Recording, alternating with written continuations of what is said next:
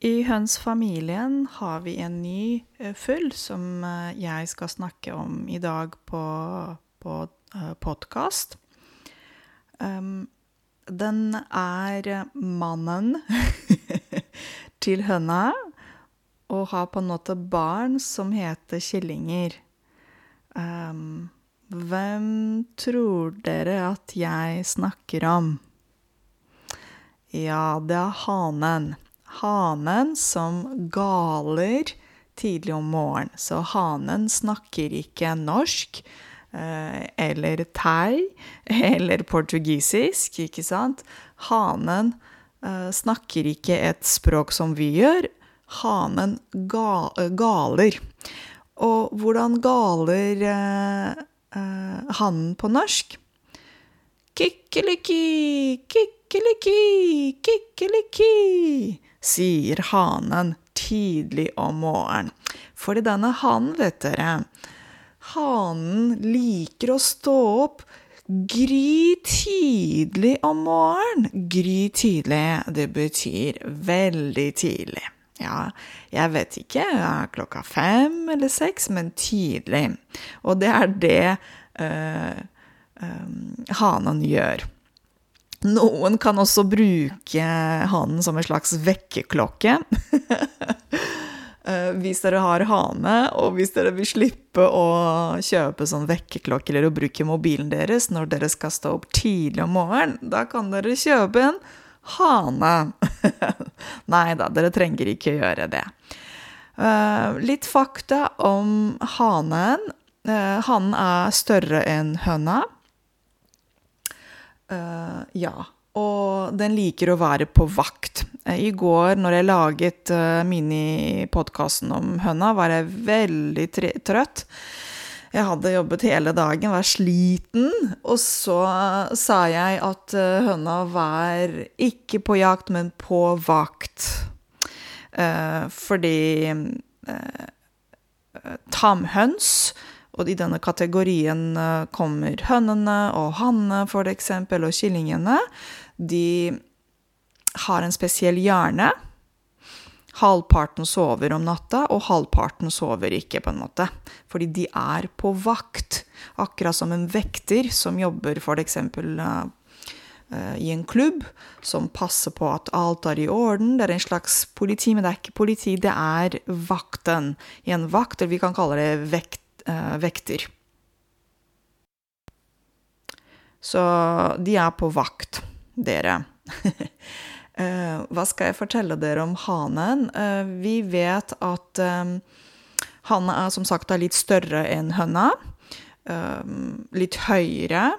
Eh, han har en måte å gå på. Han er veldig stolt. Okay? Det heter stolt. Å være stolt av noe. ja.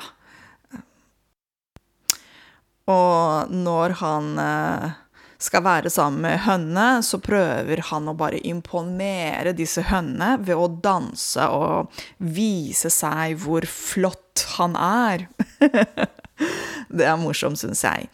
Eh, de fakta om eh, hannene, de lever som ca. fem til åtte år. Det heter gallus på latin. De er er de alt de eter? Jeg må sjekke litt. Jeg tror at de spiser alt. Ja.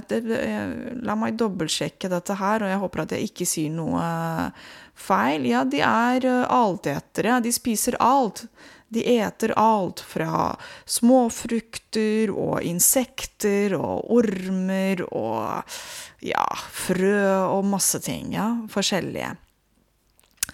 Uh, hva mer skal jeg fortelle dere? Um, ja. Disse hanene er um, polygame. Det betyr at de har mange damer. og når jeg sier damer, selvfølgelig så snakker jeg om, om hønene. Så han eh, på en måte har sex med alle hønene. jeg syns det er veldig morsomt. Men det som er veldig interessant med hanen, han har ikke penis. Det er veldig interessant. Og, sæden, det betyr eh, sperm på engelsk, det ligger i kroppen. ok? Veldig interessant, synes jeg. Jeg sa til dere at uh, for å imponere de andre hønene, så pleier, pleier, han å vise seg gjennom en dans, en sånn spesiell dans. uh, og en annen ting han uh, gjør, er å um, signalisere til de andre på en måte i familien hvis det er um, um, hvis det, en, hvis det kommer et dyr som skal spise dem, på en måte, hvis, det, hvis de er i fare, um, så har han en spesiell måte å signalisere dette her på. Han galer på en litt spesiell måte, da. Og han, eh, han skal prøve å beskytte liksom hele gjengen og hele familien. Uh, og det de kan også gjøre, er å um, Ja, prøve å beskytte seg ved å gå inn i hønsehuset, tror jeg, da. Jeg vet ikke helt, men jeg tror det. um, jeg sa til dere at han er veldig opptatt av utseendet, så han skal se veldig bra ut for, um, foran de andre hønene. Så han viser seg veldig foran de andre, og det er, en, det er noe som er veldig viktig for Hanne, da. Uh, hva mer skal jeg fortelle dere? Um, ja, det er uh, veldig morsomt, syns jeg, som fun fact. eller fun fact. Um, det er den eneste fuglen, hannen, er den eneste fuglen som eksisterer i den kinesiske dyrekretsen, eller zodiak og folk som er født i haneåret. I 2017, tror jeg, var uh, hanen. Uh, vi vet at, dere vet ikke sant, det er tolv um, forskjellige um, tegn. ja. Eller himmeltegn. Ja, du kan kalle det når du snakker om astrologi og zodiak. Uh, bare for å nevne de. Væren, tyren, tvillingene, krepsen, løven, jomfruen, vekten, skorpionen, skytten, uh, steinbukken, vannmannen og fiskene. Da er det de tolv. Dette her er den europeiske, på en måte. Uh, det som jeg er vant med. Men det fins også den kinesiske dyrekretsen, og der er det bare hanen som Eh, er eh, representert av alle fuglene.